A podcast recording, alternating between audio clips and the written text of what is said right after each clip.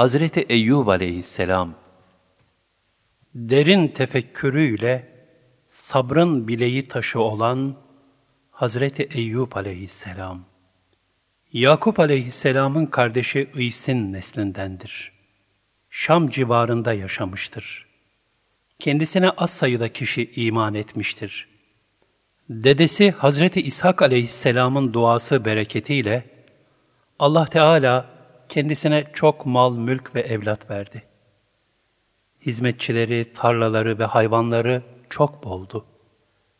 Fakir, yetim ve dullara çok yardım eder, sofrasında fakir bulundurmadıkça yemek yemez, Allah'ın kendisine verdiği nimetleri misafirlere ikram etmeyi ziyadesiyle severdi.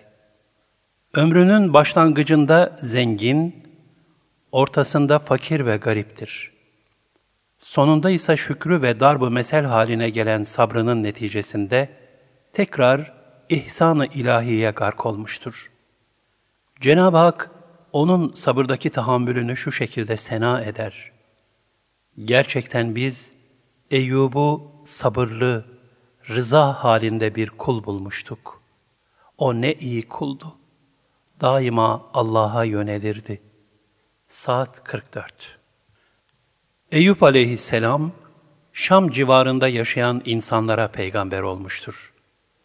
Kur'an-ı Kerim'de ilahi vahye mazhar olmuş bir peygamber olduğu şöyle bildirilir. Habibim, biz Nuh'a ve ondan sonraki peygamberlere vahyettiğimiz gibi sana da vahyettik. Ve nitekim İbrahim'e, İsmail'e, İshak'a, Yakub'a, Esbat'a, İsa'ya, Eyyub'a, Yunus'a, Harun'a ve Süleyman'a vahyettik. En-Nisa 163 Daha önce de Nuh'u ve onun soyundan Davud'u, Süleyman'ı, Eyyub'u, Yusuf'u, Musa'yı ve Harun'u doğru yola, peygamberliğe iletmiştik. Biz ihsan sahiplerini işte böyle mükafatlandırırız. El-En'am 84